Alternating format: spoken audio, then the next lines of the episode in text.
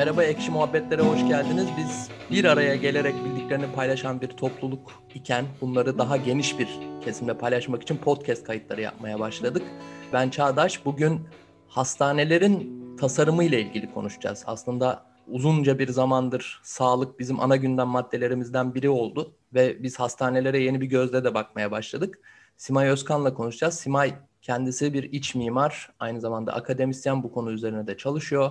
Merak ettiklerimi ben soracağım, o cevaplayacak. Hoş geldin Simay. Merhaba, hoş buldum Çağdaş. Nasıl gidiyor pandemi ve okul? Herkes gibi. Uzaktan mı devam ediyorsunuz? Ee, biz hibrit sistem. Yani yarı uzaktan, yarı online. Peki e, şeyi soracağım ben. Bu senin sağlıkla alakalı ilgin, alakanın başlaması pandemiden önceye mi dayanıyor? Evet, evet. Ee, ben yüksek lisans tezimi hastane tasarım üzerine çalışmıştım. 2015-2016 yılında çalıştım. Şimdi bana tasarım deyince özellikle işte iç mimari falan deyince aklımıza hep böyle estetik bir şey geliyor. Yani işte hı hı. tasarlanmış evler, işte böyle yüksek paralarla yapılmış böyle şaşalı işler falan böyle hı hı. sanatsal bir şey geliyor. Böyle hastane tasarımı deyince tabii işin daha çok işlevselliği herhalde e, devreye evet. giriyor. Ben o gözle çok bakmıyordum açıkçası. Yani onu iç mimarların yaptığını bilmiyordum. Yani iç mimarinin konusu olduğunu bilmiyordum seninle konuşana kadar. E. Biraz istersen şeyden başla derim. Ya bu sağlık ve hastane olayı bizim hayatımıza, insanlığın gündemine ne zaman girdi? Bununla ilgili bir ön bilgi versen. Tabii aslında yani sağlık dediğimiz zaman sağlık bizim insanoğlunun varoluşundan itibaren hayatında olan bir kavram. Bu bunca zaman boyunca şimdiye kadar, günümüze kadar bile farklı kişiler, farklı kurumlar tarafından hep farklı yorumlar getirilmişti bir mevzu aslına bakarsan. Genel olarak tabii ki de bir sağlık tanımı var. Bunu da tahmin edebileceğimiz üzere Dünya Sağlık Örgütü yapmış. Bunun öncesinde tabii Dünya Sağlık Örgütü'nün öncesinde işte kullanıcıların veya kişilerin yaşamlarının sürdürülebilmesinden tutun işte hasta olmamaları, günlük aktivitelerini yerine getirebilmeleri, mutluluk duygusuna sahip olmaları veya genel olarak genel kapsamıyla bir iyi hal durumunu e, hep sağlık olarak adlandırmışız zaten. Ama Dünya Sağlık Örgütü bunu biraz daha derleyip toparlayıp gayet e, makul bir tanım elde etmiş. Dünya Sağlık Örgütü sağlık için diyor ki sadece hastalıklardan ve mikroplardan korunma değil, bütün olarak fiziki, ruhi ve sosyal açıdan iyi olma durumunu sağlık olarak tanımlamış vaziyette. Biz genel geçer anlamda bu tanımı kabul eder vaziyetteyiz.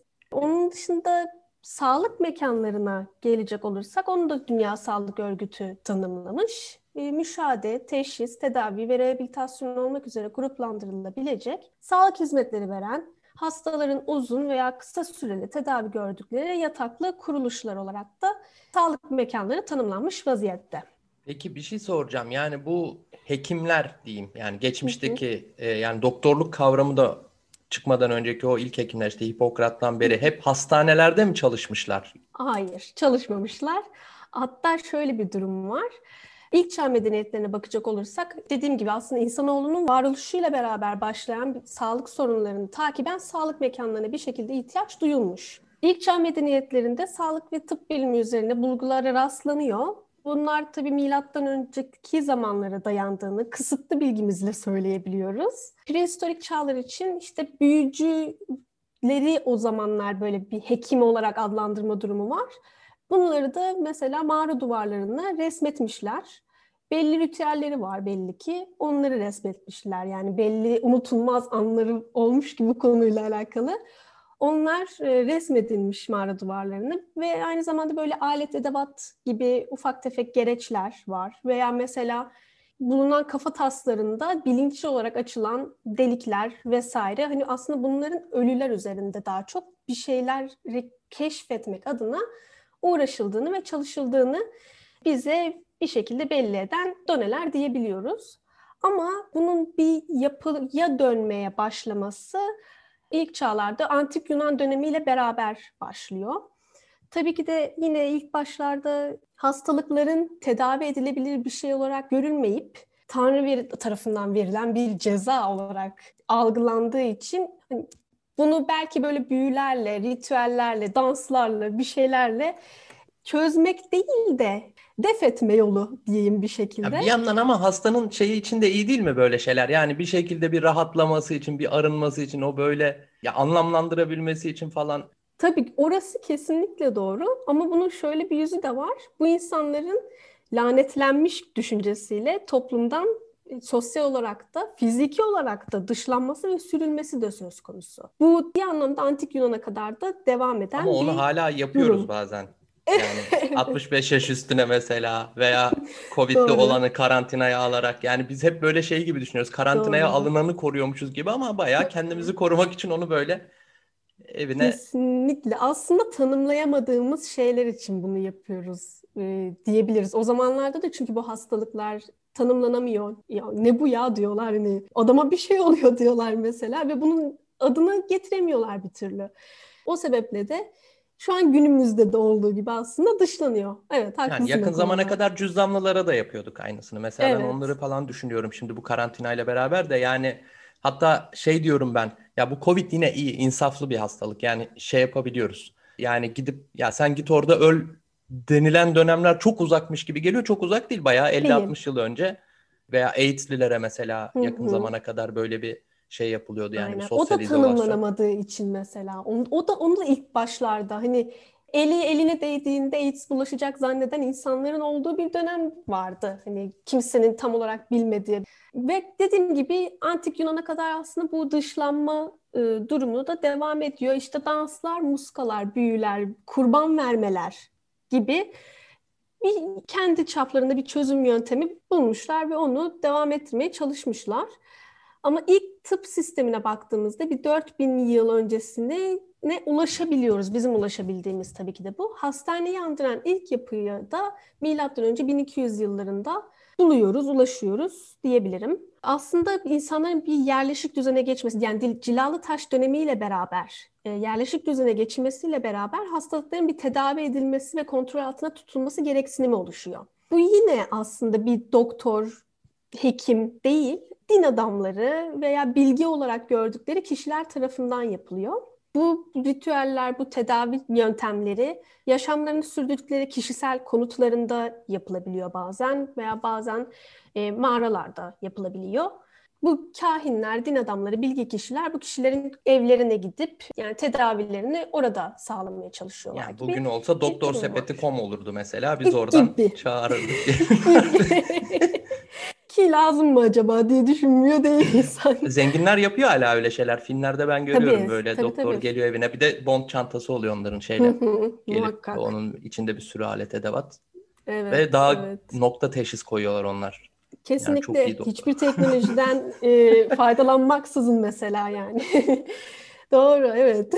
O zaman ilk çağdaki hastane kavramı çok oturmuş. Mekansal olarak pek yok. Evet. Yani tıbbi olarak da pek yok. Yani o zamanlar nasıl tedavi yöntemleri işte muhtemelen alternatif tıp deniyorlardı.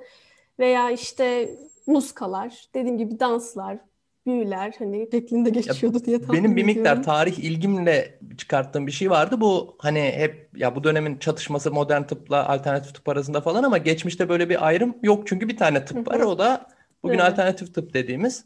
Ve şey yani geçmişe dönüp baktığımızda zaten işte büyücü, din adamı, doktor falan hepsi birbirine karışmış. Hepsi aynı kişi. Hı hı. Ve hı hı. E, başka çaren de olmayan bir durum var. Yani ben evet. onu çok şeyde bulmuyorum yani o açıdan. Yani o dönem yapılan şeyler olmasa modern tıp da doğmayacakmış hı hı. gibi. Hatta böyle çok Kesinlikle. kişisel bir anım var. Anneannem benim böyle işte köyde şeyden hastaneden uzak kalmış bir yerde hı hı. yetiştiği için oralarda şeyi iyi bilirler. Hangi bitki neye iyi gelir falan hatta işte hastalığın adıyla bitkileri adlandırma falan şeyleri var e, onların. Yani işte bilmem ne otu bu işte hmm, gribe hmm. iyi gelir, bu e, hemoroide iyi olarak. gelir falan diye böyle şeyleri şey, var. Boğaz ağrısına iyi gelir. Yani şu an bile var aslında. Hatta şu an birazcık da ona döndüğümüzü de ben düşünüyorum. Çünkü ilaçlara karşı bir, bir doyum oldu ve hani ilaçların da artık e, faydalı olmadığını düşünen ciddi bir kesim var. Hatta zararlı. Fazlasının her şeyin fazlası zarar tabii ki de ama fazlasının zarar olduğunu düşünen bir kesim olmakla beraber işte bu birazcık şeyin de moda olması, beslenme, düzgün beslenme, organik beslenme vesaire gibi kavramların da iyice hayatımıza girmesiyle beraber alternatif tıbba da ciddi anlamda şu an bir yönelme e, olduğunu ben düşünüyorum. Peki e, bu şeyden sonra bu yerleşik hayat içinde böyle ilk hastaneye benzer yapılar ne zaman ortaya çıkıyor? İlk çağ içinde mi çıkıyor yoksa? Eski Yunan kültürüyle beraber ilk hastane yapısını görüyoruz. Milattan önce 4. yüzyılda yapıldığı düşünülüyor. Yani ben de bunun birebir kanıtı yok elimde.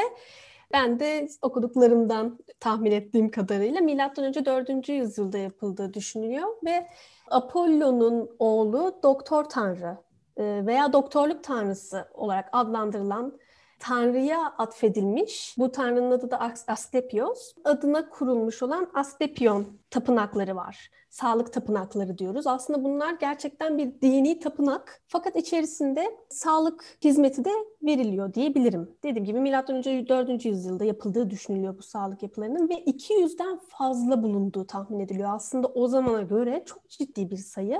Kutsal olduğu düşünüldüğü için böyle genellikle su kaynaklarının etrafında konumlandırıyorlar bu merkezleri.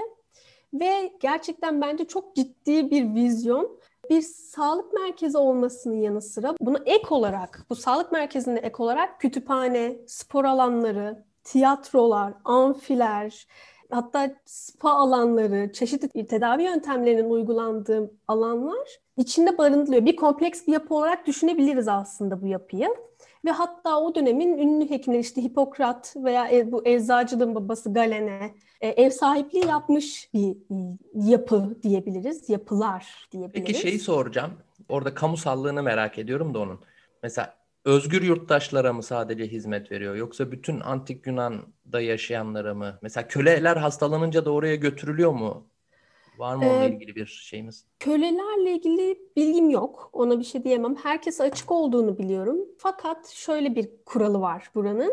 Ciddi hastalığı olanlar giremiyor.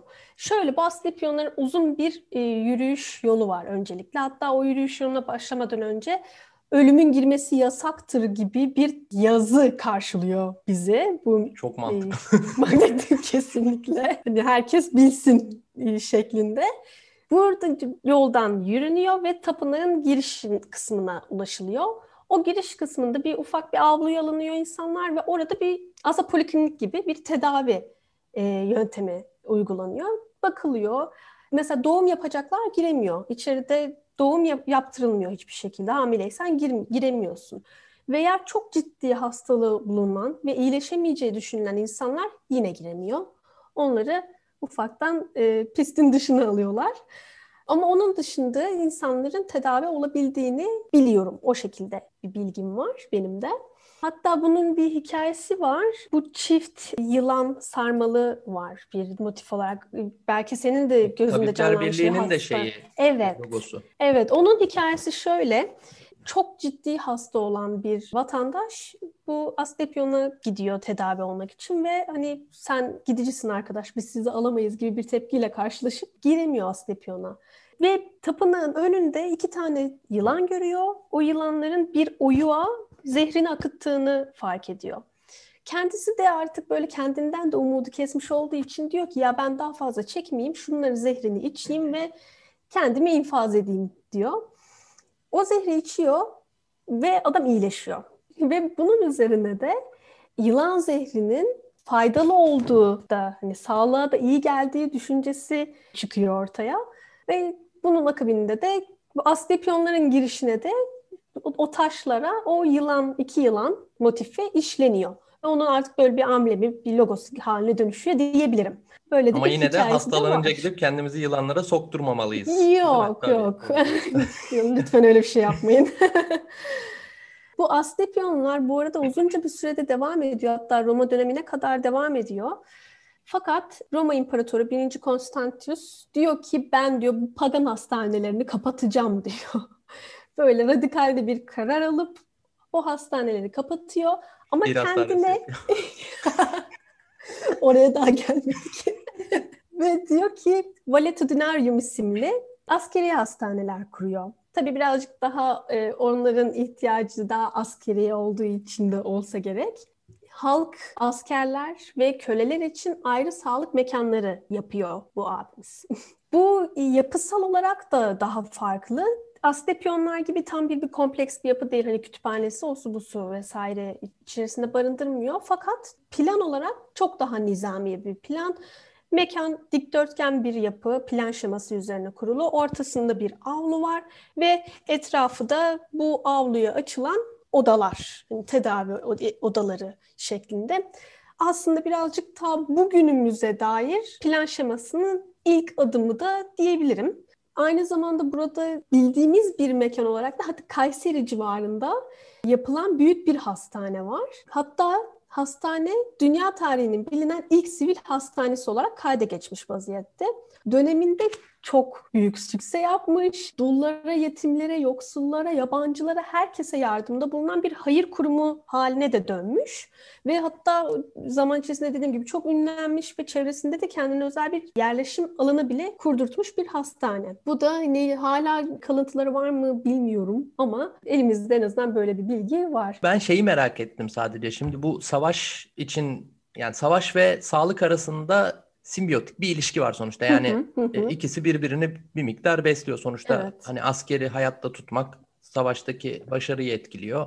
O savaştaki tecrübede sağlıktaki gelişimi etkiliyor. Yani işte İkinci Dünya Savaşı mesela cerrahide veya organ naklinde bir sürü gelişme sağlamıştı. Bu geçmişte şeyi merak ettim. Mesela evet yerleşik hayat içinde bir hastane düzeni var ama Mesela şeye gittiği zaman yani savaşa gittiklerinde bir revir sistemi de var mı o dönem mesela? Onunla ilgili bir şey var mı? Portatif bir revir sistemi var mı bilmiyorum ama bahsettiğin revir sistemi revir olarak değil de bildiğin hastane olarak Haçlı seferleri sırasında yapılıyor. Yani hani Haçlı seferlerinde orduların gittiği ve konaklama yaptığı yerlere hastane yapıyorlar. Hatta bunlar uzmanlaşmış hastaneler. Mesela işte göz için bir hastane falan yapmıştık. Şey mi bayağı var. böyle normal be, yapı. artık ne malzeme kullanılıyorsa ondan evet yapı. Böyle duvarları olan falan.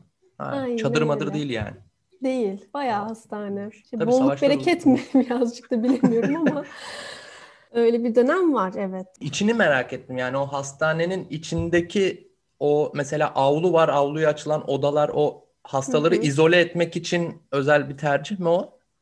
Ya çünkü ee, şey de var ya sonuçta böyle daha pavyon sistemi veya koğuş sistemi denilen bir e, şey de var. Hani ama ilk başta o tercih edilmemiş. Evet aslında ilk başta o tercih edilmemiş. Tersine bir düzen olmuş aslında burada. İlk yapılarda böyle bir sistem tercih edilirken özel oda şeklinde ilerleyen zamanlarda işte o pavyon sistemine geçildiğinde bu ihtiyaç ortadan kalkmış bir şekilde nasıl olduysa hani mahremiyetimi önemsemediler ne yaptılar bilmiyorum.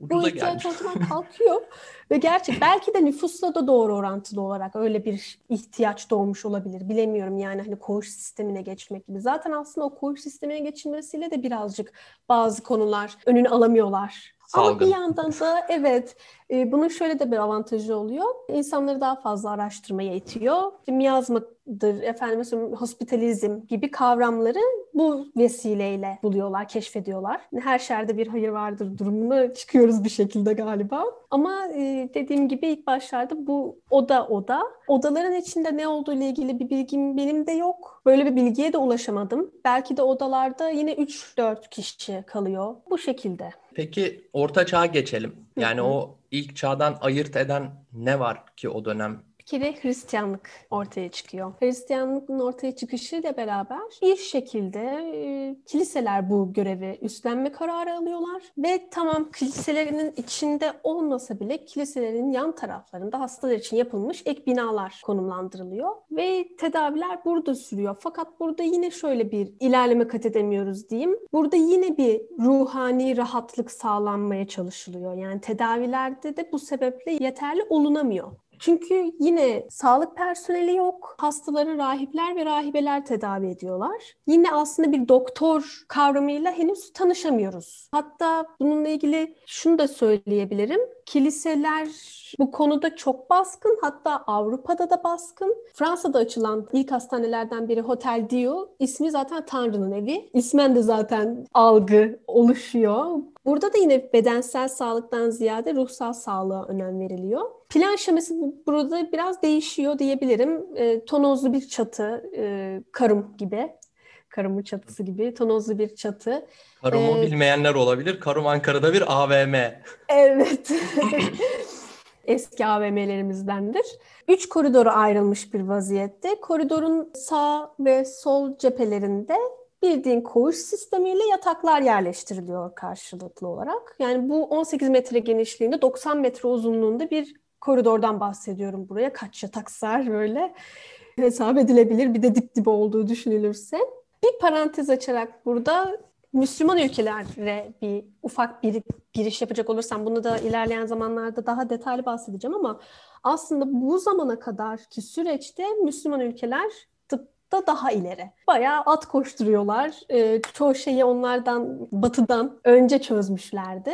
Ve bu üstünlük yaklaşık olarak Rönesans'a kadar da devam etti Müslüman ülkelerin tıptaki e, ilericiliği. İyi biliyorum Osmanlı'da darül şifalar falan var yani bayağı geniş evet. bir hastane örgütlenmesi var. Tabii hatta bu hastalıklara göre koğuşlara ayrılmadan önce Avrupa'da Osmanlı'da bu çoktan yapılmıştı diyebiliyorum gibi bir durum var.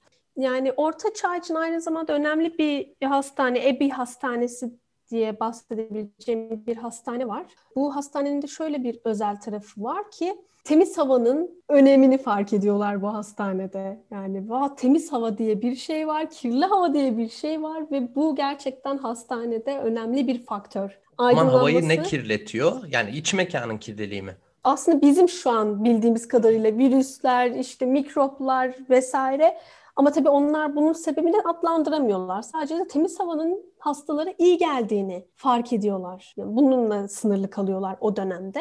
Bir hava al gel falan diye hani aç camı aç hani bir hava gelsin. İyi hala var o devam ediyor yani o. Evet çünkü bu artık yatsınamaz bir gerçek haline dönüştü zaten. Hani temiz hava, e, havanın kalitesi, odadaki havanın kalitesi önem teşkil ediyor gerçekten.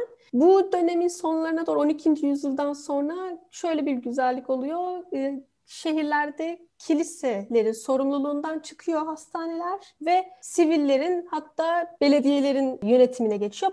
Fakat bu sadece yönetimsel bir değişiklik. Hala tedavi rahipler ve rahibeler tarafından sağlanmaya devam ediyor. Ama orta çağ için sağlık anlamında önemli değişikliklerden biri de bu oluyor ve bu şekilde de orta çağ kapanıyor. O zaman şeyle beraber mi? Yani benim hep ya kafamda hep şöyle bir şey canlanıyor. Yani bu antik Yunan orta çağın çok daha ilerisinde şeyleri yapmış. Sonra evet. bunlar şeyi yani o medeniyeti koruyamamışlar, edememişler. Bu Roma İmparatorluğu ortalığı yakmış, yıkmış. Ondan sonra baştan keşfetmek Rönesans'a e, kalmış gibi bir genel anlatı var. Bu hastanelerde evet. de benzer bir süreç mi işlemiş? Evet, aynen öyle. Aynen öyle. Hani e, artık belki de o dönemki zorluklar aslında karanlık çağın getirmiş olduğu bir itici güçle aslında. Hani bu Rönesans'a denk geldi. Evet ama aslında bir karanlık çağdaki o birikip o ilerleyememişliğin vermiş olduğu hırsla belki de gerçekten bunlar. Ya bir yerde bunu fark etmiş olmaları da güzel. Çağdaş aslında baktığında. Ama evet öyle bir basiretsizlik gerçekten olmuş. Ama işte Rönesans dönemi, hani karanlık çağ sonrasında Rönesans'a girdiğimizde zaten Rönesans çiçek gibi bir dönem. Yani zaten her alan, her alanda, her anlamda büyük büyük gelişmeler yaşamış. Sanat desen gırla, işte bilim desen maşallahı var gibi bir durum ya işte bak böyle hep anlatıyorsunuz. Ben orada hep şey itirazı yapıyorum. Yani orada dökülen bir de kan var. Yani orada böyle çok fazla ölen insan var. Yani oraya giderken ödenen bedeller var. Ne bileyim Fransız devrimi için falan da şey yapılıyor ya böyle işte ah orada olsaydık falan. Ya muhtemelen giyotinle vurmuşlardı kafanı yani. Hani orada olsan yani sen ne biliyorsun orada kazanan tarafta olacağını falan diye itiraz ediyorum. Tabii bu işin şakası ama ama ee, kimse başarı merdivenlerini elleri cebinde tırmanmamıştır Çağdaş. Yani tabii öyle de bir de tarih kazananları yazıyor sadece. Yani evet. o mesela Victor Hugo şey diye anlatıyor Fransız devrimi dönemini sokaklarda kan kokusundan yürüyemiyorduk. Yani hı hı. dehşet bir kan kokusu e, yani bayağı sokaklardan böyle oluk oluk kan akan bir dönem aynı zamanda ama tabii o sonuçta her şerde bir hayır vardır diyerek Rönesans'ın yani... güzelliklerine ama dediğin gibi gerçekten bunun bir de çekilmiş bir çilesi de oldu. Aşikar ya tabii, bunu o benim ne kadar biraz... hissedebiliriz onu düşünme yapımla da alakalı. Ya ben hep böyle şey yapıyorum. Yani bu biraz böyle alerjik bir şekilde bir şeyin hikayesi anlatılıyorsa güzel şekilde kesin bir kötü var orada onu anlatmıyorlar diye. İşte mesela antik Yunan çok güzel ya köle de var. Veya evet. işte şey Amerika'nın bağımsızlığı işte Hı-hı. keşfi bilmem ne büyük olay ya Kızılderili vardı Kızılderililer orada. Var, Aztek evet. vardı, Maya vardı. Hani Hı-hı. veya işte Rönesans deyince ya onun bir de şeyi var. Veya ne bileyim işte Avrupa'nın demokrasisi gelişince falan ben hep şey diyorum ya e, Cezayir, Hindistan falan diye böyle hep bir e, nerede mazlum gariban bir bedel ödenmiş yani. Tarihte böyle evet. ilerliyor. Yapacak bir şey yok. E şimdi Rönesans'a evet. geçince hastanelerde ne değişti? Yani zaten dediğim gibi bu Rönesans dönemi yeniden doğuş olarak adlandırılan ve yaklaşık 200 yıl boyunca da devam etmiş bir dönem. Bilgelik, sanat, bilim çok büyük önem kazanıp büyük gelişmeler de yaşanıyor. Bunlardan tabii ki de aslında mekansal olarak bir yansımasından önce oluşan bazı olguların mekana yansıması gerekliliği oluşuyor. Bu mesela nedir? Mikroskobun keşfi. İşte termometrenin icadı, enjeksiyon uygulaması, hatta röntgen ışınlarının keşfi de buna dahil. Bu tip keşifler hastanelerde daha farklı uygulamalara ve bu sebeple de daha farklı mekansal ihtiyaçlara sebep oluyor. Yani bu bunu getiriyor bir şekilde. İlaç sektörü de bu dönemde paralel olarak ilerliyor tabii ki de. Ama aynı zamanda insan anatomisiyle ilgili ciddi gelişmeler kat ediliyor. Leonardo da Vinci sağ olsun buradan her şeyi halletmiş adam da bu arada. Sanat desem var, bilim desem var, anatomi evet, desem var. Aynen öyle. Buradan teşekkürlerimizi iletelim tekrar kendisine.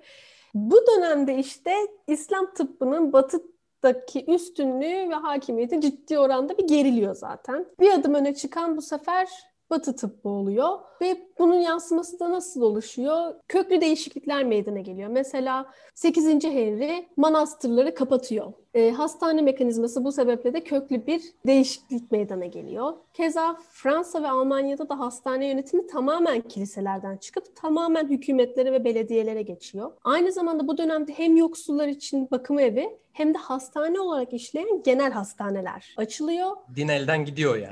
Din elden gidiyor Çağdaş gerçekten. Bu ciddi değişiklikler tabii ki de bir şekilde mekansal olarak da yansıyor. Mesela bunu örnek olarak verebileceğim hastanelerden biri Milano'daki Maggior Hastanesi. Dönemin bilinen ismini şu an telaffuz edemeyeceğim Antonio Di Pietro Rönesans mimarı. Kendisi e, bu hastanenin tasarımını yapıyor. Hastanenin kuruluş amacı kentin fakir bireylerine aslında ücretsiz tıbbi yardım sağlamak. Bunun için ufak ufak kuruluşlar var ama adam diyor ki bunu tek bir büyük çatı altında toplayalım ve sağlık alanındaki verimliliği bu şekilde artıralım. Yapı SK'yı olarak icat ediyor yani. Evet. böyle yapısal olarak hani plan şemasını şu an görselde de gösteremiyorum ama böyle hani kelimelerle ifade etmeye çalışacak olursam girdiğimizde bizi bir büyük avlu karşılıyor. Hemen karşımızda bir tane şapel var. Sağ tarafta ve sol tarafta iki tane kanadımız var. Bu kanatlarda haç şeklinde e, yani bir sürü koridora ayrılmış vaziyette. Bu hastaneye ama şöyle bir durum var. Kronik veya tedavi görülemez e, olarak görülen hastalar alınmıyor. Bunları da ufaktan bir sürgünle şehir dışına gönderiliyor. Halkın içine karışması da istenmiyor çünkü.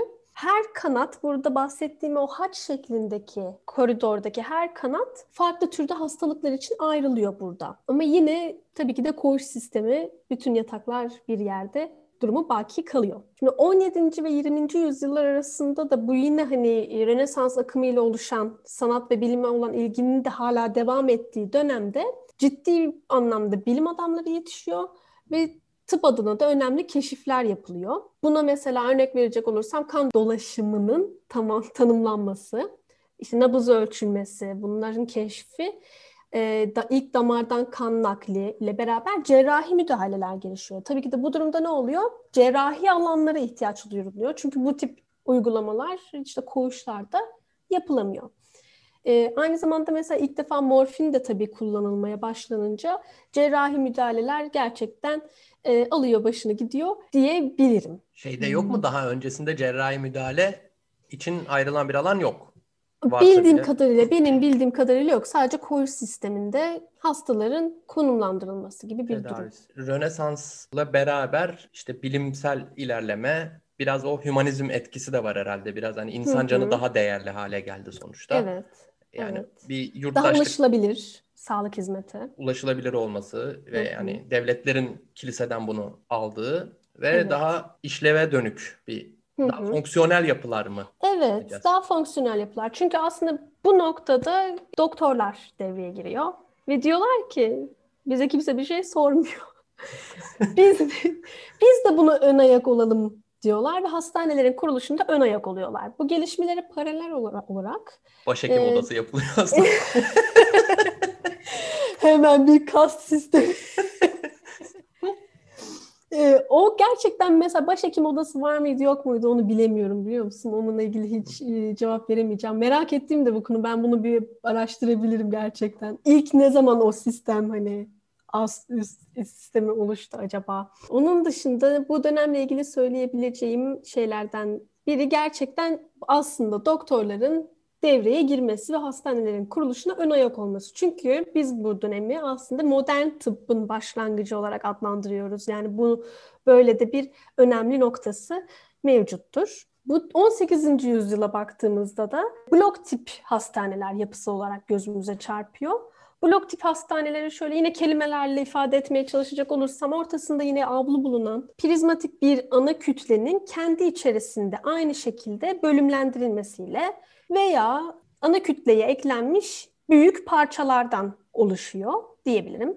Bu hastane tiplerinde tasarım açısından göz önünde bulundurulan tek faktör aslında kütlelerin oran orantılı bir şekilde bir araya getirildi mi getirildi durumu. Dışarıdan baktığında ne yapısı olduğunu bile anlayamadığın ya bu okul mu belediye mi ne bu diyebileceğin yapılar bu dönemde ortaya konuyor. Peki bir şey soracağım. Elektrik kullanılmaya başlıyor mu hastanelerde o dönemde yoksa daha sonra mı? Ee, sanırım elektrik daha sonra olabilir. Çünkü yani benim e, araştırdığım kaynaklarda yani tesisata dair herhangi bir şey hiç duymadım. Yani Rönesans'la ilgili aslında Rönesans birazcık da uzun da süren bir e, dönem. Aynı zamanda çok da bereketli bir dönem olduğu için belki bahsetmem gereken bir iki şey daha olabilir. Şöyle ki Mesela hospitalizm kavramı var. Bu Nedir blok bu kavram? tipler bu aslında hastane hastalığı olarak adlandırılıyor. Koğuşlandırma sisteminin çok iyi yapılmamasından veya işte birimlerin birbiri arasındaki bağlantıları veya o bölünmelerin iyi yapılmamasından, çok kalabalık olmasından, belli bir metrekareye düşen kişi sayısının fazla olmasından ötürü hastanede oluşan bir hastalık. Zaten bu blok tiple beraber yani bu blok tip hastaneleri topa tutan tutuyor. Yani çünkü ciddi anlamda bir hospitalizm oluştuktan sonra ölümler çoğalıyor. Sağlıksız deniyor bu yapılara, tehlikeli deniyor, ölüme açılan kapılar deniyor. Yani bayağı topa tutuyorlar bu hastaneler. Ya bu Çünkü... şey ironik değil mi? Böyle buraya ölüm giremez denilen yerlerin Nereden, bir anda ölüm saçmaya başlıyor. Gerçekten biz nerede buraya geldik dedi diyor insan gerçekten. Hatta şöyle bu hijyen sıkıntısından ötürü ölüm oranları yüzde doksanları falan buluyor yani öyle söyleyeyim sana. Bu ciddi bir rakam. Çok ciddi bir oran. Çok çok ciddi bir oran. Giden dönmüyor. Evet hani buna Tabii ki de bu sebepten ötürü plan şemalarında değişiklikler oluyor. Mesela bir radyal tip plan öneriliyor bu sefer. İşte o biraz daha bir merkezden dağılan ışınsal koridorlar ve özellikle hastanedeki birimler arası bağ olan, ortak alan olan merdivenlerin dışarıda çözülmesi, hani o bağlantıyı koparmak adına gibi girişimler oluyor. Ondan sonraki aşamada pavyon tip hastaneye geçiliyor. Hani hepsinde bir hiçbir verim alınamıyor gibi bir durum oluyor. Çünkü sürekli bir geliştirme, değiştirme çabası içerisinde insanlarda. Pavyon tip hastanelerde de dış koridorlara bağlanan çoklu üniteler gibi bir sistemi var. Bir nasıl anlatayım? Çok ayaklı T gibi düşünebiliriz belki. Bu sistemde, pavyon sistemde koğuşlarda dolaşan kirli havanın dışarıya atılabilmesi amaçlanıyor ve aynı zamanda yeterli güneş ışığının odalara alınabilmesi amaçlanıyor.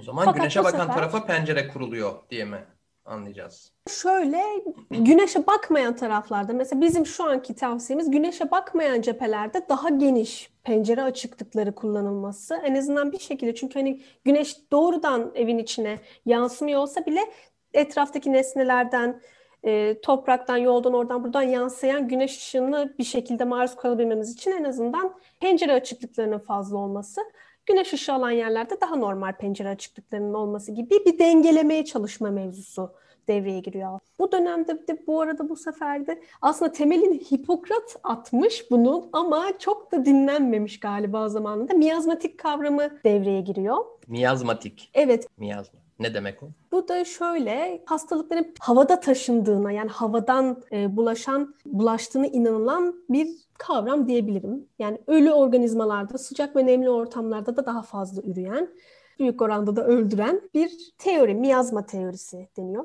Miyazmanın yayılmasını önleyecek çözümler üretmek için de hastane bölümlerinin yerleşimini tamamıyla böyle birbirinden koparmak gerektiği düşünülmüştü.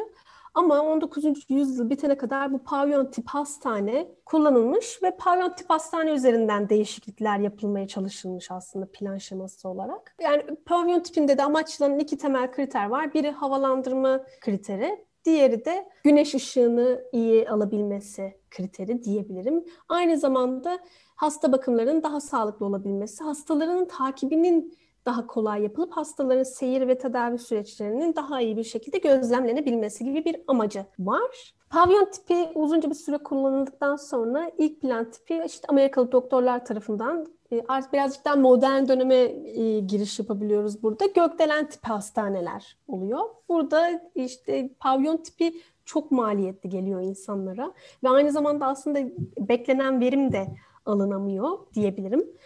Gökdelen tipi hastanelerde bu tek katlı planların yerini çok katlı böyle bütün birimlerin tek kütlede toplandığı ve birbiri arasında ayrıldığı hastaneler ortaya çıkıyor ve 19. yüzyıla kadar bu hastanelerde yine maddi durumu yetersiz insanlara hizmet güdülüyor. Aynı zamanda bu arada maddi durumu iyi olan kişiler hala evden tedaviye de devam ediyor. Birazcık bu dönemin hastanelere ihtiyaç sahipleri için Peki niye mesela o dönemin şeyi açısından anlamaya çalışıyorum. Yani öyle bir sağlık hizmeti alma meselesi mesela ücretsizdir diye tahmin ediyorum. Hı hı. Ee, yani niye öyle bir ihtiyaç duymuş ki o dönemin devletleri diye böyle kafa yoruyorum da yani o öyle bir talep mi var mesela insanlardan? Çok konunun dışında olabilir yani tasarım mevzusunun dışında ama yani ya sonuçta bu modern sağlık sistemleri yeni de bir şey ya görece. Yani evet. geçmişten itibaren ama toplum sağlığı diye bir şey de var anladığım kadarıyla. Yani evet, halk evet, sağlığı evet. diye bir şey var. Yani Hı-hı. bugün bugüne özgü veya yakın geçmişimize özgü bir şey değil. Yani evet. ben biraz daha şey gibi düşünüyordum sanki işte geçmiş dönemlerde biraz hani hastalanan da ölüme terk ediliyor. Gerçi şey söyledin Hı-hı, sen yani ölümcül hastalığı olanı almıyorlar. Hı-hı. Zaten Rönesans'ta Hı-hı. da almıyorlar. Evet. Yani boşa bizi meşgul etme. Kaynağımız Hı-hı. zaten kısıtlı. Hı-hı. Ben git öl yani. Hı-hı. Bulaşıcıysa git şurada öl. Değilse git evinde öl. Hı hı. E, muhtemelen zenginsen eve gelen doktor seni ölümcül hastalığa karşı da kurtarmak için bir şeyler yapıyordur diye tahmin ediyorum. Ama hep bir şey var yani bir toplumun toplam sağlığı bilgisi veya güdüsü hep bir varmış demek ki bizim varmış. şeyimizde. Evet, evet. Ama bu dönemin işte hani dediğim gibi salgınlar, savaşlar vesaire olmasından ötürü buna ciddi anlamda belki şimdiki dönemden çok daha fazla ihtiyaç olunması da buna bir etkendir diye düşünüyorum. Yani tabii ben de kendi yorumumu lazım, getiriyorum üretecek şu an. lazım, zanaatkar evet. lazım. Evet. Bir de tabii yani bilinçli olmadığı için insanlar oluşacak bir salgın gerçekten çok büyük boyutlarda bir kırım yaratacaktır toplum yani nüfusunda. Avrupa'da şey bu konuda kötü tecrübeler var. Kara veba. Evet. Evet, evet. Birden fazla veba. Yani bir de şey oluyor yani biz bugünden bakınca çok anlamıyoruz ama böyle yarı yarıya nüfusu kıran acayip işler yani bunlar. Ee, onların muhtemelen yıkımı evet. üzerine hani böyle o felaketi tekrar yaşamamak da mu- mu- muhakkak iyi bir motivasyondur yani bu tip hastaneleri Hı-hı. geliştirmek için. Evet, bence de. İlerleyen zamanlarda da şöyle bir şey de çıkıyor bu hani bu dikey, gökdelen hastaneler çıkmadan önce. Germ teorisi yani mikrop kuramını da buluyorlar. Bu çok çok ciddi bir sıçrayış oluyor. Çünkü Tamam hani sağlıksız ortamlarda ha, orta, ortamın havası kirleniyor ve bu da hastalıkları bir şekilde çoğaltabiliyor veya hani arttırabiliyor. E, fakat bunun yüzde yüz doğru olmadığı savunulmuş. Aslında mikroorganizmanın hastalıkların asıl sebebi olduğu ortaya konulmuş. Yani şöyle dezenfektasyonun e, önemi burada biraz ortaya çıkmış. Yani yaşayan hani hemşireler de bunu taşıyabilir. Sadece havayla veya sadece suyla buluşacak değil, bunu yaşayan mikroorganizmalar da taşıyabilir gibi bir kuramı bulduktan sonra asıl zaten bunca zaman e, çabaladıkları, yani durdurmaya çalıştıkları şeyi çözüyorlar. Yani aslında olayın sadece tamamıyla plan şemalarıyla alakalı olmadığını, bir ellerimizi yıkamakla işlerin çözüldüğünü fark ediyorlar. Ve bundan sonra zaten aslında pavyon tip plan şeması gelişiyor, ilerliyor, modernleşiyor tabii ki de ama 19. yüzyılın sonuyla beraber hastaneler ekonomik ve sosyal durum ayrımı yapmaksızın her hastaya hizmet eden kamu mekanları haline geliyor. Hatta Amerika'da işte hastaların kalabilecekleri özel, yarı özel odalar sağlanarak mahremiyet sağlanmaya başlanıyor. Tabii bu işte 80'ler, 90'lar sonrasıyla beraber bütün dünyada gelişmeler birazcık senkronize oluyor diyebilirim. Modern çağ ile beraber. Mahremiyet daha ön plana çıkıyor. Hasta odaklı e, tasarım ön plana çıkıyor. Daha doğrusu böyle bir şeyin varlığının öneminin farkını varıldığı bir dönem oluyor. İşte ya özel, yarı özel, gelişmiş malzeme teknolojileri, estetik algıların aslında estetik kararların psikolojiye olan önemi, özellikle hastane mekanlarında fark ediliyor ve hastalık ve hastane kavramı bir şekilde yeniden e, yorumlanıyor diyebilirim. Tabii ki de hani tıp gelişiyor, yoğun bakım üniteleri ortaya çıkıyor, daha uzmanlaşmış alanlar belirginleşiyor vesaire derken işte Peki şey başlıyor herkes... mu o dönem? Yani polikliniklere ayırma hastaneyi, işi o şeyle beraber mi? O demin bahsettiğin hastalıklara göre ayırmadan gelen bir şey. Evet, evet. Da bunların polikliniklere ayrılması, mesela cerrahi alanlarla yataklı hasta odalarının tamamen ayrı mekanlarda olması gibi daha tasarımsal kararlara girebiliyoruz diyebilirim. Önde, önceden plan şeması üzerinde o kadar yoğunlaşılmış ve o kadar onu dert edinmişiz ki zamanında. Bu tasarım, iç mekan tasarımı özellikle hep bir ikinci plana atılmış. Ama modern çağla beraber artık tasarım konuşulmaya başlanıyor. Peki bir şey soracağım merak ettiğim bir şey bu hep işin e, işlevselliği ve şekli üzerine konuştuk ya yani daha geometrisini konuştuk. Renkle alakalı yani niye hastaneler beyaz? Yani ben, ben çok merak ediyorum bunu yani. Aslında hastanelerin bence beyaz olmaması gerekiyor. Bence yine de olmalı. Bu, Hiçbir yerin beyaz tasarım... olmaması Kesinlikle katılıyorum. Yani bu yine bir tasarım kararı. Fakat büyük ihtimalle o dönemde imkanlar o şekilde getirmiştir de herhalde beyaz yapılmıştır diye düşünüyorum. Beyaz leke gösteriyor. beyaz leke gösteriyor yani. Şimdi bir yerin pis mi, kirli mi olduğunu e, net bir biçimde anlayabiliyorsun beyaz bir mekana girdiğinde ama işin içinde başka renkler hatta özellikle koyu renkler girdiğinde bunun ayrımını yapamıyorsun. Bir yerin pis olduğunu anlamak için hani beyaz olması. Be- beyaz olması yani. Şöyle bir çıkarıma vardım yani hani beyaz yapalım da kirlenirse görelim falan diye mi düşündüler acaba? Yani çünkü şeyde hijyen de çok yeni bir kavram ya sonuçta. Yani eskiden su kaynağı yok, bilmem ne yok. Millet yani bir dere mere bulursa yani yıkanıyor ediyor falan böyle saçma sapan bir dönem yani bugünden bakınca. Hani hastanede ondan azade değil sonuçta su borusu falan yok orada muhtemelen. işte su lazım oluyor getiriliyor kuyudan çekiyor bilmem ne yapıyor falan böyle bayağı kıt olanaklarla bir şey yapmaya çalışıyorlar. Genelde bizi anlayamadığımız böyle geçmiş döneme bakarken hani o dönemin bilimi, teknolojisi, sosyolojisi üzerine çok düşünmeden bugünden yorumlayınca böyle ya nasıl oluyor bunlar falan filan diyoruz ama Hani bayağı muazzam bir şey aslında yani milattan önce 400. yıllarda evet. işte hastaneler kurmak orada kafeteryası var bilmem nesi var yani ilk hastane kantinini icat etmişler kötü tostlar yapıyorlar orada. güzel tostlar yapılır bir kantin tostu güzel olur her zaman. ya hastanesine göre değişiyor. Evet ama şey e, renk konusu gerçekten aslında ben bunu böyle birazcık daha detaylı da anlatmak isteyeceğim bir konu. Belki de hatta ayrı bir konuşma bile olabilir bununla alakalı. Çünkü renk gerçekten dipsiz bir kuyu. Genelde beyaz kullanılmasının sebebi benim düşüncem, şahsi düşüncem, benim yorumlamam. Dediğim gibi hani herhangi bir kir vesaire gösteriyor olması, dolayısıyla tespitinin kolaylaşmış olması ve kolay, dolayısıyla temizliğinin de daha iyi yapılabilmesine imkan sağlamasının yanı sıra gerçi artık modern hastanelerde renk kullanılıyor. Özellikle özel hastaneler renk, doku, malzeme bunları çok çeşitlendirmeye başladı. Çünkü buna da şu dahil oldu hasta merkezli tasarım, hasta odaklı tasarım dahil olunca oldu. Çünkü artık insanların evinde hissetmesi hastanedeyken önemli bir olgu haline geldiği fark edildi. Hani oradaki o hastane gerginliği, o hastane psikolojisi değil de evindeki rahatlık. Hasta e, memnuniyet. Ha işte aynen öyle. Hani o sıcaklığı yakalayamamak hani müşteriler için, hastalar için psikolojik anlamda daha iyi oldu fark edildi.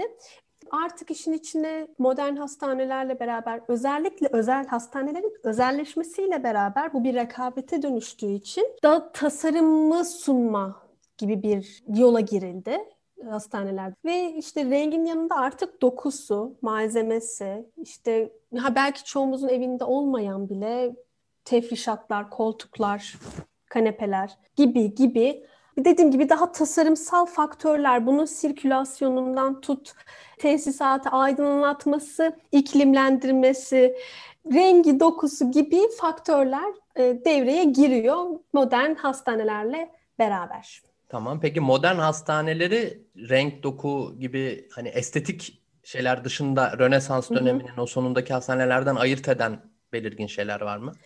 Tabii ki de var.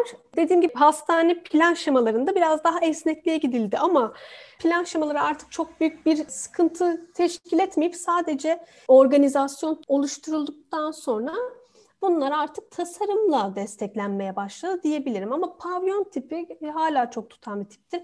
Onun dışında bizim zaten Türkiye'de de göreceğiz. Hani U tipi, L tipi, T tipi e, çok basit plan şemaları hep kullanıldı. Mesela ülkemizde en azından Türkiye'de o şekilde eski hastanelere baktığımızda gerçekten çok basit, çok yalın plan şemaları kullanıldı. Bunlar nasıl desteklendi? Tabii ki de bu nanoteknolojiyle beraber mesela kolay temizlenebilir duvarlar, kolay temizlenebilir darbe emici zeminler, yalıtım e, gibi faktörlerde zaten artık bu e, hijyenle alakalı veya bu hastalıkların yayılmasıyla alakalı endişelerimizi azaltan faktörler oldu. E, peki Simay o zaman şöyle bir şey anlıyorum. Yani sonuçta bizim bugün kullandığımız dünya genelinden bahsediyorum. Hastaneler hı hı.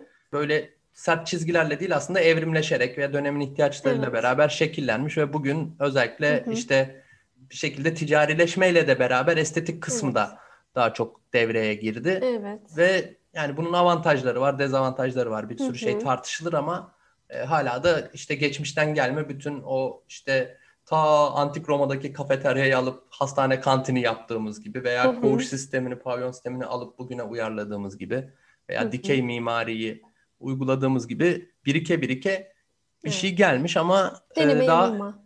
evet yani hijyenin ve o hastalık üretmeme noktasında iyi dersler almışız ki bugün mesela evet. hep hastane deyince aklımızda şey canlanıyor ya işte önlüklü, maskeli, işte koruyucu ekipmanlı, e, hı hı. işte sağlık çalışanlarının falan gelmesi de aslında yeni bir şey. Yani insanlık tarihine evet. baktığımız zaman.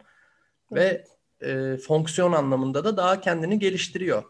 Peki hı hı. bir şey soracağım son olarak. Ya bu pandemi mevzusu bizde e, yani bu hastane tasarımı açısından yeni bir tırnak içinde söyleyeyim mesleki olarak baktığımda fırsat yaratıyor mu? Çünkü ben Almanya'da, Fransa'da bilmem nerede şeyleri görüyorum böyle mobil prototip bunlar. Yani doğrudan kullanılmadı hı hı. pek ama hani gidiyor orada açılıyor pat diye hani hastaneye dönüşüyor, toplanıyor, gidiyor tırlar falan. Bunlar biraz hı hı. daha fütüristik veya böyle deneysel şeyler gibiydi ama hani hı. önümüzdeki dönem açısından şey olur mu bu pandemi bizim hastane tasarımımızı etkiler mi sence?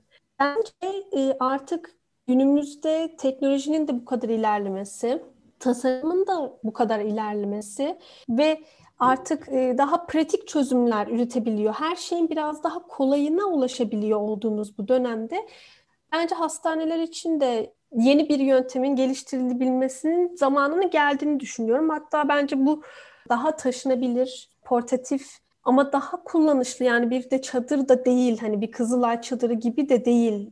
Yapıların veya bu tip yapısal çözümlerin e, oluşturulması gerekliliğini düşünüyorum.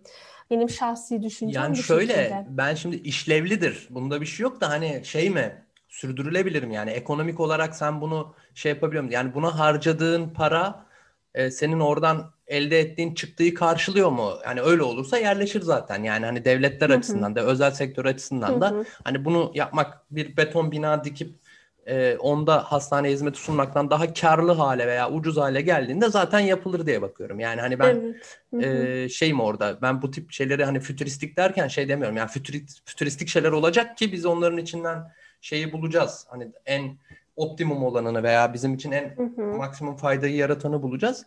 E, tabii bir yandan da yani ben e, çok hastane insanı değilim yani çok yoğun hastaneye giden biri değilim. Ama hani işte yeri geliyor gidiyorsun. Ben en çok şeyi hatırlıyorum. Bir köpek ısırmıştı beni. Hani kuduz aşısı olmak için gittiğimde hani o köpek ısırmış insanları sürdükleri yeri görünce olan demiştim bunu bayağı düşünmüşler hani şey olarak yani bir sürü dar koridorlardan geçtim bilmem ne yaptım yerin iki kat altında böyle her yerden izole bir de korku filmi gibi o gün hastanenin floresanı bir yanıp bir sönüyordu. Oo, şey yani ben böyle oo. gerçek Çığlık bir kaçmalık. E, gerçekten şeyi hissetmiştim orada yani. izole edilmenin veya orada o izole edilme hissini yaşamıştım. Veya işte şeyde de yani ne bileyim ya işte numune verdiğin yerin bulunduğu alanın böyle ayrılmış olması.